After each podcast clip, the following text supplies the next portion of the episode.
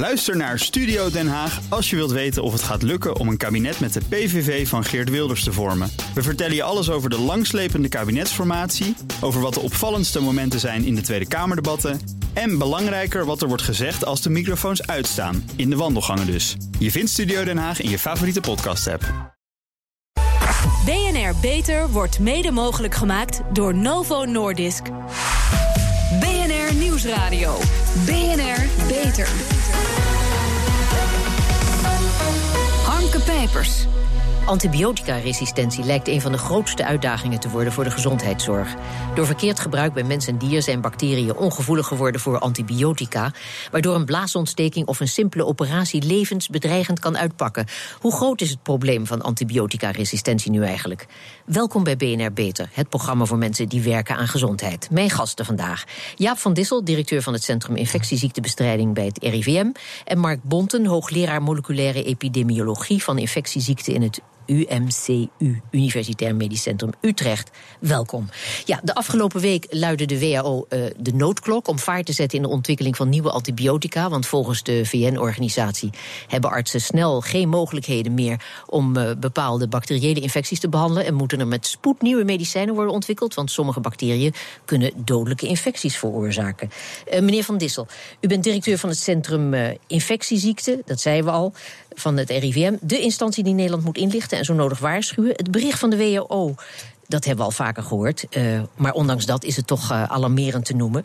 Het kwam twee dagen voor de lancering van een landelijke campagne. waarin de overheid zorgprofessionals oproept zich meer bezig te houden met antibioticaresistentie. Is dat nou toeval of niet? Ik denk niet dat het toeval is. Um, de antibioticaresistentie wordt vanaf verschillende zijden op de agenda gezet. Dat vinden we als professionals ook heel belangrijk. Antibioticaresistentie is gelukkig momenteel in Nederland nog een beperkt probleem in de zin van zieke patiënten. Maar als we niks doen en we laten het voortgaan, dan zien we dat uh, een heleboel van de verworvenheden van de geneeskunde in de problemen komen. Allerlei operaties die veel meer risico's zullen geven. Een blaasontsteking, zoals we al zijn, waar iemand dan misschien voor moet worden opgenomen. In plaats van dat hij thuis met tabletten kan worden behandeld. Dus we vinden het belangrijk om uh, bewustzijn te kweken, zowel bij professionals als bij het publiek overigens. Mm -hmm. En daar hebben we in Nederland uh, is daarvoor een campagne gestuurd. Ja. Um, uh, daar wordt iedereen beter van, .nl. Waar en, als is die ware... campagne nodig? Is het, uh, het, het, bewustzijn wat betreft het belang van het probleem bij zorgprofessionals voldoende aanwezig? Of hebben ze er te weinig aandacht voor? Hoe zit dat? Nou, ik denk dat men uh, daar wel van op de hoogte is. Mm -hmm. Met name natuurlijk de professionals die zich met infectieziektebestrijding bezighouden. Maar er zijn veel meer zorgprofessionals. En daar kan, best, kan men best nog wel een radertje bij zetten. Ja, maar die Bonte, u bent um, arts, microbioloog. En houdt zich vooral bezig met onderzoek naar infectieziekten. U zei ooit, heb ik gelezen, de nuance over uitbraken van multiresistente bacteriën ontbreekt nog al eens in de media. Nou, wat vindt u in dat licht van dit bericht van de WHO? Is het genuanceerd genoeg of is het, uh, veroorzaakt het onnodig paniek? Nou, de lijst die gemaakt is door de WHO is met de beste intenties gemaakt. Maar wat ik in de media gezien heb, is dat het toch weer als een, een ja, bedreigende lijst uh, naar voren gekomen is. Dat uh, het één minuut voor twaalf is en dat er te weinig gebeurt aan het probleem. Ja. Dan denk ik, ja, dat is helemaal niet zo. Er gebeurt een hele hoop. Er kan altijd meer gebeuren. Uh, voor de Nederlandse situatie heb ik me inderdaad wel eens zo uitgelaten. Omdat, zoals collega van Dissel al aangeeft, het in Nederland nog redelijk, nog, nog redelijk zeer goed onder controle is. Uh, en die waakzaamheid, daar zijn we van op de hoogte en, daar, daar, en we zijn waakzaam. Ja, dus dit was een bericht aan de wereld en wij moeten dat uh, een beetje anders lezen als het om Nederland gaat, zo ongeveer. Precies. Ja, dat is wel veel gevraagd van het publiek, hè, denk ik. Nou, dat, daar ligt ook een, een, taak voor ons om het publiek daar uh, goed, op, uh, goed van te informeren. Uh, zoals collega Van Dissel zegt, wij zijn in Nederland waakzaam en dat zullen we moeten blijven. Anderzijds moeten we onze mensen geen, niet te stuipen op het lijf jagen dat het hier nou ineens onveilig zou zijn. Ja, want, want kijk, die, die boodschap dat er binnenkort dus geen antibiotica meer zijn voor behandeling van bacteriële infecties en dat het heel verkeerd kan uitpakken. Het is toch logisch dat de aandacht dan gaat naar de ontwikkeling van antibiotica. Maar is dit nou het grootste probleem?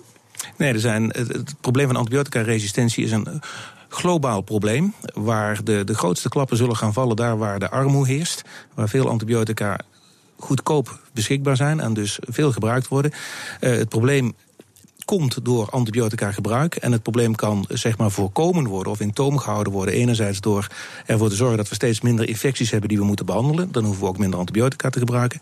Die antibiotica alleen te gebruiken als dat echt nodig is.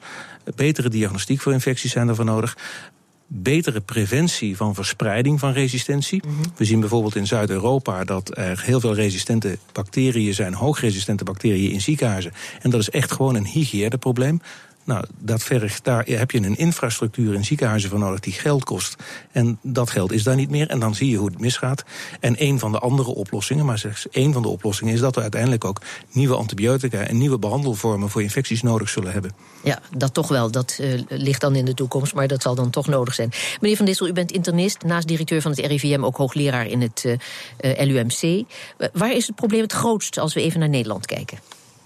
Nou, in Nederland is zoals uh, gezegd het probleem onder patiënten gelukkig nog beperkt. Ja. Al zien we wel dat uh, patiënten die vroeger eenvoudige behandelingen konden krijgen, inmiddels toch voor infuusbehandelingen moeten worden opgenomen. Mm -hmm. Waar we verwachten dat het probleem groot wordt als we niet krachtig ingrijpen, is bij een heleboel verworvenheden van de geneeskunde, zoals bepaalde kankerbehandelingen, uh, behandelingen waarbij we kunstmaterialen in patiënten implanteren. Dat zijn namelijk situaties waarbij we in belangrijke mate erop vertrouwen als we het afweersysteem uh, tijdelijk onderdrukken door de behandeling, dat antibiotica eventuele infecties kunnen opvangen. Ja. Uh, als dat niet meer kan, dan krijgen we een groot probleem voor veel behandelingen. En dat is natuurlijk een situatie die we absoluut niet willen. Ja, maar als we over besmetting praten, wie besmet wie eigenlijk? Nou, er zijn verschillende vormen van overdracht van resistentie. Mm -hmm. Allereerst is het zo dat een patiënt die ofwel een infectie heeft met een resistente bacterie, ofwel een resistente bacterie bij zich draagt, bijvoorbeeld in de darm, die door kan geven aan een andere patiënt. Daarom hameren we zo op uh, hygiëne, want hygiëne is natuurlijk heel belangrijk om een dergelijke overdracht te voorkomen. Ja. Een tweede uh, manier waarop resistentie kan worden overgedragen is tussen bacteriën onderling, die uh, erfelijk materiaal, die DNA kunnen uitwisselen, waarbij bij een resistente bacterie die eigenschap doorgeeft aan een bacterie die voorheen die eigenschap niet had. Ja. Uh, dat laatste, dat gebeurt in belangrijke mate, uh, wordt dat gestimuleerd, of in ieder geval uh, maakt dat gebruik van selectie in de aanwezigheid van antibiotica. Ja. En waar voor het eerste dus hygiëne van groot belang is om verspreiding te voorkomen, geldt voor het tweede dat zorgvuldig gebruik van antibiotica, alleen als het daadwerkelijk moet, en niet bijvoorbeeld voor een, voor een griepje of een verkoudheid. He, zorgvuldig gebruik van antibiotica maakt dat die selectiedruk minder is. Ja. En verlaagt dus de kans op overdracht tussen bacteriën. Ja. Uh, meneer Bonte, de oorzaak wordt ook vaak gezocht, uh, of werd vaak gezocht in de veehouderij. Want hoe staat het daarmee eigenlijk? Het overmatige gebruik van antibiotica in die veehouderij is inmiddels enigszins aan banden gelegd. Daarmee verdween de veiligheid of onveiligheid van bijvoorbeeld kippenvlees weer uit het nieuws. Is dat terecht? Want hoe staat het daar nu mee? Nou, uh, het gebruik van antibiotica in elke sector draagt bij aan resistentie, dus ook in de veehouderij. Maar het is een, antibiotica-resistentie heeft alle kenmerken van een complex systeem. En daar is het ontzettend moeilijk te voorspellen welk onderdeel van het systeem wat bijdraagt. Zo hadden wij in Nederland de situatie dat wij wereldwijd het hoogste antibiotica gebruik hadden bij dieren. Ja. Ook nog eens met de hoogste dichtheid van dieren in ons landje. En op dat moment hadden we de laagste resistentiecijfers bij mensen in de wereld. Daar blijkt al uit dat er geen één op één relatie tussen nee. de twee is. Uh, ik ben een groot voorstander van reductie van antibiotica gebruik bij dieren. Maar alleen dat zal uh, het wereldprobleem antibiotica-resistentie niet oplossen. Nee. Meneer Van Dissel, Nederland werkt samen met China, waar, juist, waar nog veel resistentie voorkomt. Pardon. Wat is het belang van deze samenwerking voor beide partijen? Nou, u heeft al een aantal voorbeelden gehoord waarin we proberen om in Nederland de boel op orde te hebben en ons voor te bereiden op, uh, op ergere tijden en die te voorkomen. Uh, die kennis die willen we ook graag uitdragen in andere landen die, uh, die misschien daar nog meer ervaring mee moeten opdoen. Zo zijn er projecten in India, in Rusland, maar ook in China, wat u noemde. Daar doen we een zogenaamd demonstratieproject in de provincie Sichuan. Ja. Um, we zijn erin geslaagd om ook in China uh, zowel de veterinaire wereld als de zorgwereld en de milieuwereld bij elkaar te brengen en uh, gezamenlijk een project te laten uitvoeren, waarbij in een uh, bepaalde regio antibioticaresistentie bij patiënten, bij de bevolking, in het milieu en bij dieren. En bijvoorbeeld in de, in de voedselketen wordt onderzocht, wordt geanalyseerd en tot beleidsmaatregelen moet leiden. En uh, dat gebeurt in een twinning, in een duo-project, uh, waarbij als het ware de Nederlandse collega's die al meer ervaring hebben met deze analyses, uh, ook naar China gaan en mede analyseren, mede helpen om die analyses te doen. Ja. En in die zin hopen we dat kennis die wij hier de afgelopen decennia, maar natuurlijk vooral de laatste jaren hebben opgedaan, dat we die ook kunnen verspreiden en dat anderen ook daar een, hun voordeel daarmee kunnen doen. Ja. Want het grootste probleem, het is hier ook al genoemd, uh, is niet zozeer op dit moment in het kleine Nederland, maar vooral in het grote buitenland. Ja. Is er trouwens ook nog iets wat wij van de Chinezen kunnen leren? Nou, ik denk dat elke analyse, uh, en zoals collega Bond aangaf, is die toch behoorlijk complex om te zien uh, waar komen die resistenties nou vandaan, waar, hoe is precies de overdracht. Je kan je voorstellen dat als je naar een situatie gaat die minder uh, ideeel is als in Nederland, dat je daar ook weer als westers land van kan leren. Dus ik denk dat het echt de bedoeling is dat er een kruisbestuiving optreedt. En dat wij ook weer ons voordeel daarmee doen uiteindelijk. En we hebben sowieso ons voordeel als we in dergelijke landen proberen om het antibiotica gebruik omlaag te brengen door daar ook bewustzijn te kweken. De overheid wil bewustwording creëren bij professionals en consumenten zonder angst in te boezemen, maar dat blijkt in de praktijk een moeilijke klus. Hoe is het gesteld met de kennis over antibiotica-resistentie van mensen? Onze verslaggever Gigol Krant vroeg het enkele mensen in de lobby van het AMC in Amsterdam. Ik zie dat u uh, de krant aan het lezen bent ja. in het ziekenhuis. Ja. Wachtend op een consult? Ja, consult en daarna chemokuur. Sterkte? Ja, dank u wel. Je leest in de krant steeds vaker berichten over bacteriën waar geen antibiotica meer tegen bestand zijn. Maakt u zich daar wel zorgen over? Ja, zeker. Neemt u maatregelen? Nou, kan haast niet, want ik denk dat er ook doordat er zoveel mensen in en uit vliegen... dat er zoveel bacteriën uit andere landen meegenomen worden... dat je er bijna niet meer tegen bestand bent. Maar met een mondkapje lopen zoals je wel eens in het buitenland ziet? Uh, ja, nee, niet zoals in Korea dat we daar met een mondkapje voor lopen. Maar wel hygiënisch met handen wassen, toilet gaan. De hele dag handen wassen, dat doe ik dus wel heel erg veel. En u heeft andere zorgen aan uw kop? Ja. Ja, ik wens u heel veel sterkte. Ja, dank, dank u wel dat ik een ja. vraag mocht stellen. Ja, Goeiedag mevrouw, u bent patiënt hier in het AMC? Ja. Maakt u zich wel zorgen over resistente bacteriën? Ja, natuurlijk. Dat is iets wat natuurlijk heel erg speelt uh, vandaag de dag. Als je geopereerd wordt en uh, je krijgt daarna antibiotica mee naar huis... en uh, je weet niet of het kan aanslaan, is het natuurlijk wel heel zorgelijk. Wat doet u daar vervolgens mee met die angst? Je overleg met de artsen. En er wordt veel nu gedaan aan het vroeg ontdekken van of de bacterie het ziekenhuis binnenkomt. Dus dat is wel heel positief. Goeiedag mevrouw. Aan uw jas te zien met uw arts hier in de AMC? Ja, dat klopt inderdaad. Op welke afdeling? Ik ben vaatchirurg. Je leest in de krant steeds vaker dat er resistente bacteriën zijn... waar antibiotica niet tegen zijn opgewassen. Bent u daar als arts ook mee bezig? Ja, natuurlijk. Iedere dag. Bijvoorbeeld met um, isolatiemiddelen bij patiënten. Um, door bepaalde preventieve vragenlijsten door te nemen... of preventieve kweken af te nemen. Dus op die manier zijn we er iedere dag mee bezig. Ja. Heeft u wel eens een patiënt gehad die getroffen is door zo'n resistente bacterie? Ja, ik denk dat iedereen die wel uh, heeft gehad, ja. Dus het is geen ver van mijn bedshow meer? Nee, absoluut niet. Het is iets waar je echt wel in de dagelijkse praktijk iedere keer mee bezig bent. Frustreert dat u? Nee, het is een, een onderdeel van, uh, van het werk tegenwoordig. En ik denk dat uh, we er tegenwoordig heel bewust mee bezig zijn dat dat juist goed is. Maar als een patiënt wordt getroffen door zo'n resistente bacterie... dan is het toekijken en kan je weinig meer doen?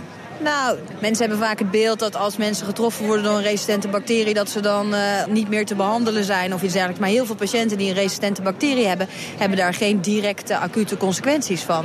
We hebben heel veel patiënten rondlopen die bekend zijn met een bepaalde resistente bacterie. Daardoor worden er bepaalde veiligheidsmaatregelen genomen. Maar dat betekent niet dat die mensen daar acuut ziek van zijn. U bent patiënt hier in het ziekenhuis? Nee, ik werk hier. U werkt hier? Ja. Loopt hier wel eens rond met de angst om een resistente bacterie op te lopen? Nee, maar ik weet wel dat ze er zijn. Ik heb het zelf meegemaakt op de intensive care volwassenen jaren geleden. Toen ze een hele grote MRSA-uitbraak hadden. Dus ik weet er wel van. Maar u zelf wordt daar niet angstig van? Nee, want uh, ja, dan kan je zo langzamerhand uh, nergens meer uh, normaal zijn. Want ze zitten niet alleen in het ziekenhuis, ze zitten ook buiten het ziekenhuis. En in het ziekenhuis werken heeft natuurlijk weer andere voordelen. Want als er iets gebeurt, dan bent u heel dicht bij de zorg. Hoe dichter je bij een ziekenhuis bent, wanneer je een ongeluk krijgt, hoe beter je kansen zijn. Dat is altijd zo. En dat was onze verslaggever Jigal Krant in gesprek met patiënten en zorgverleners in het AMC. Ja, Ach ja, dat kunnen we ook doen. Goed, multiresistente bacteriën. De oorzaak van het probleem is complex. Hoe gaan we dit oplossen? Daarover hoort u zo meer na de reclame. BNR Nieuwsradio. BNR Beter. Antibioticaresistentie is een complex internationaal probleem. Hoe gaan we dat oplossen? Daarover ga ik verder praten met mijn gasten. Jaap van Dissel, directeur van het Centrum Infectieziektebestrijding bij het RIVM. En Mark Bonte, hoogleraar moleculaire epidemiologie van infectieziekten in het Utrechts Medisch Centrum. Um, ja, voordat we verder praten wil ik nog even uw reactie weten. Want we hoorden een reportage van Jigal Krant bij het AMC... met patiënten over de bekendheid met uh, multiresistente bacteriën. Wat vond u daarvan? Nou, ik weet niet uh, in hoeverre er geselecteerd is, maar duidelijk was dat er uh, onrust is bij patiënten. Ja. Uh, wat mij ook erg opviel is dat de arts die aan het woord was enorm betrokken was en goed op de hoogte was en, en aangaf daar dagelijks mee bezig te zijn om haar patiënten te beschermen en ook te onderzoeken op de aanwezigheid van die resistente bacteriën. Dus dat is heel goed. Ja, goed. En u, meneer Van Dissel? Ja, eigenlijk hetzelfde. Um, ik denk dat we duidelijk maken dat angst een slechte raadgever is. En dat uh, er natuurlijk zorg is. En de medewerkers van het ziekenhuis gaven een aantal hele concrete acties weer. Um, waarmee je een belangrijk deel van het probleem uh, kan beperken. En ja. de consequenties voor de patiënt kan beperken. En ik denk dat dat heel goed is, ook om die angst juist weg te nemen. Goed, uh, we gaan verder. Meneer Bont, ik, ik zeg wel uh, in de aankondiging hoe gaan we dit oplossen. Maar een definitieve oplossing van dit probleem is natuurlijk een illusie. Want bacteriën passen zich aan. Het zal altijd een wedstrijd blijven. Ondertussen weten we dat het economisch niet interessant is. Of interessant zou zijn, ik weet niet precies. Om antibiotica te ontwikkelen. En dus moet het probleem via internationale samenwerking worden aangepakt. En niet aan de markt worden overgelaten. Hè? Nou, het ontwikkelen van een antibioticum wat uiteindelijk bij, zeg maar, bij mensen gebruikt kan worden, er wordt geschat dat dat ongeveer 1 miljard euro kost. Ja.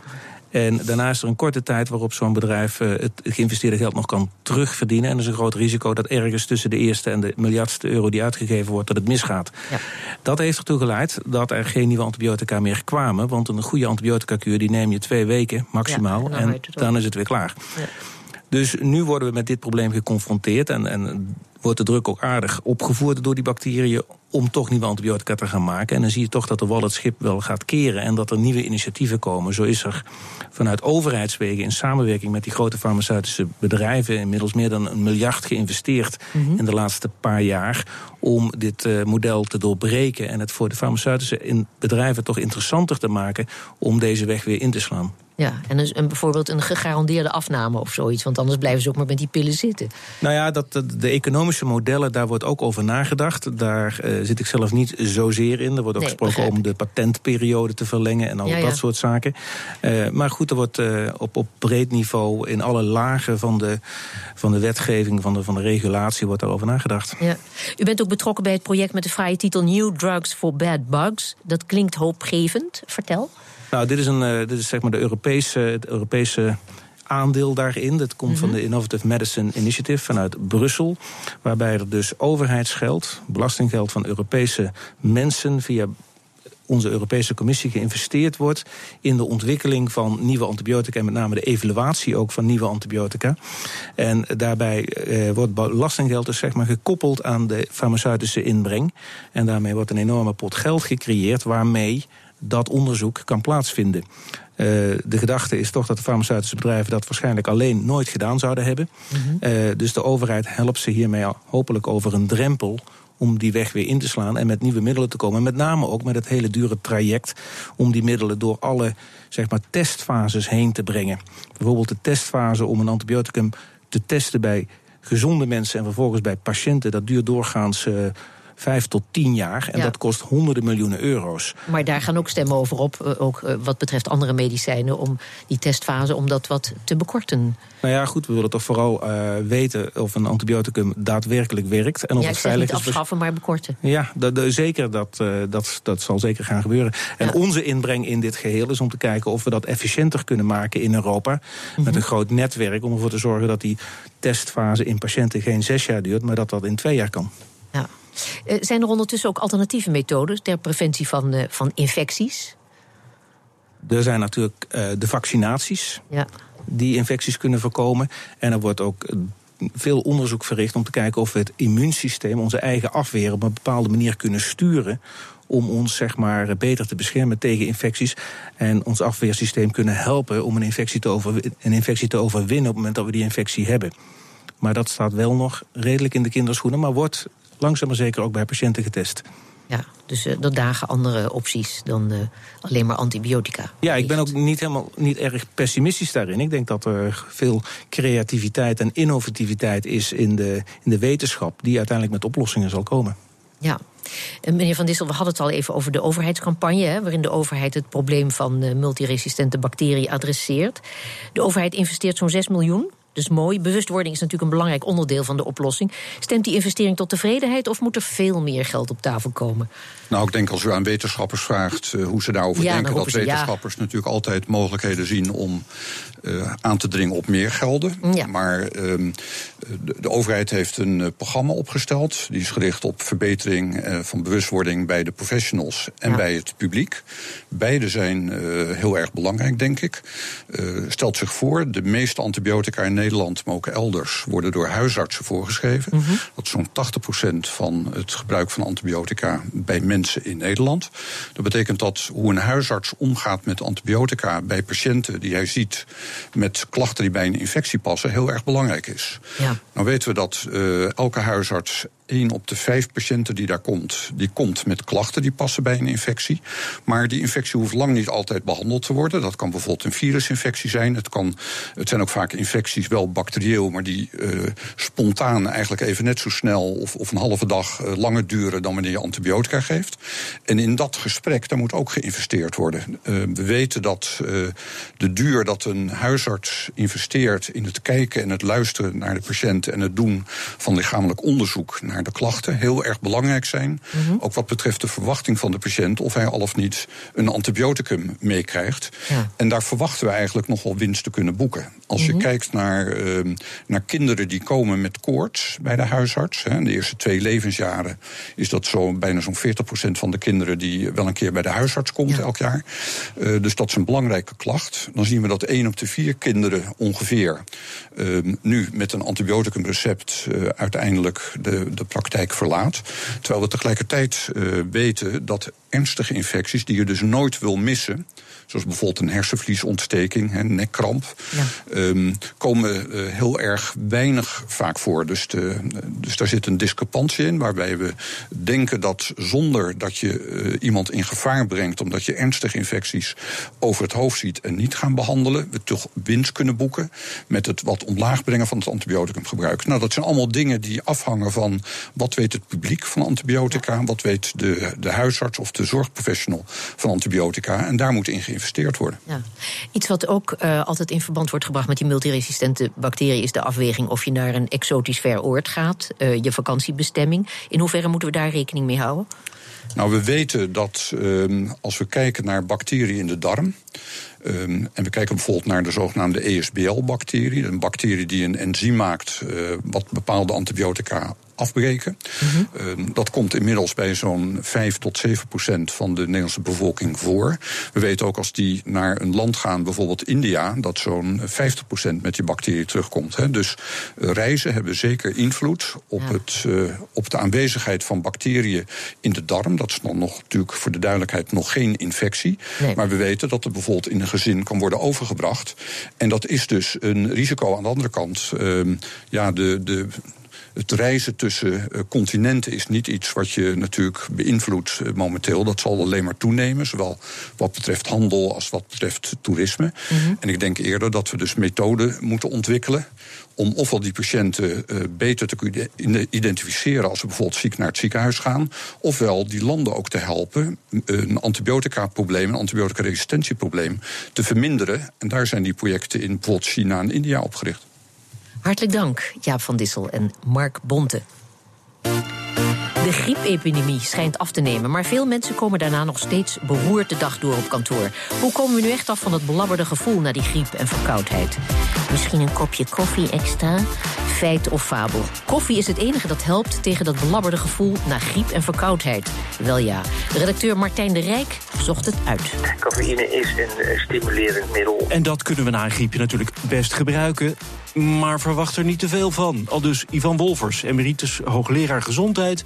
en blogger op dokterdokter.nl. Je moet ook niet uh, overtrokken ideeën hebben over hoeveel input dat geeft. Het is vooral in je hoofd vaak. Hè. Je neemt een stuk uh, kopje koffie. Hè. Ik voel een stuk beter, ik kan er tegenaan. Maar of dat je over de griep uh, na weeën heen helpt, dat waag ik ernstig te betwijfelen. Er is gewoonweg geen wetenschappelijk bewijs voor. Dan zijn er ook van die grootschalige onderzoeken gedaan op dit gebied. En is alles dus hearsay en, uh, en uh, net zo goed als wat de buurvrouw erover zegt. En toch is er best wat te doen aan die postgrieplamlendigheid. Wat wel duidelijk is, is uh, als je griep hebt gehad... dat je dan zo snel mogelijk weer in de groove moet komen uh, om gewoon je leven weer op te pakken. Concreet? Bewegen. Daarvan is wel aangetoond dat het uh, een gunstig effect heeft om um, snel te herstellen. Omdat je dat ook een tijdje vaak niet hebt kunnen doen. En als je nou dat bloed weer goed laat circuleren, dan komt het overal weer terecht. En dat stimuleert ook je hersenen. Uh, en die hersenen die zijn wel nodig om je goed te voelen. Ja, dat willen we. Even kijken. Ja, Donderdag kunnen we naar de sportschool. Sporten lijkt mij ook fantastisch. Maar als je daar drie dagen nog op moet wachten... voordat je weer naar de sportclub kan... ja, dan ben je een beetje laat. Ik zou het meteen mm. doen. Ik zou, als ik beneden uh, bij mijn uh, werk kom... en er is een trap, zou ik de trap nemen. In plaats van de lift. En gelukkig, dat kop koffie mag best. Overigens adviseer ik wel... Maar dat doe ik op persoonlijke basis, omdat ja? ik het zelf lekker vind. Om s'morgens een lekker kopje espresso te nemen, daarmee te beginnen. Maar dat is puur omdat het lekker is. Tot zover deze uitzending van BNR Beter. Op bnr.nl slash beter is deze uitzending terug te luisteren. En we zijn ook op Twitter te vinden onder BNR Lifestyle. Dus heeft u tips voor ons? Laat het ons weten. Ik ben Harmke Pijpers. Tot een volgend spreekuur. BNR Beter wordt mede mogelijk gemaakt door Novo Nordisk. Ook Hugo Reitsma vind je in de BNR-app. Superhandig die BNR-app. Je kunt alle programma's live luisteren, breaking nieuwsmeldingen. Je blijft op de hoogte van het laatste zakelijke nieuws. En je vindt er alle BNR-podcasts, waaronder natuurlijk de belangrijkste, Boeken zijn in de wijk. Download nu de gratis BNR-app en blijf scherp.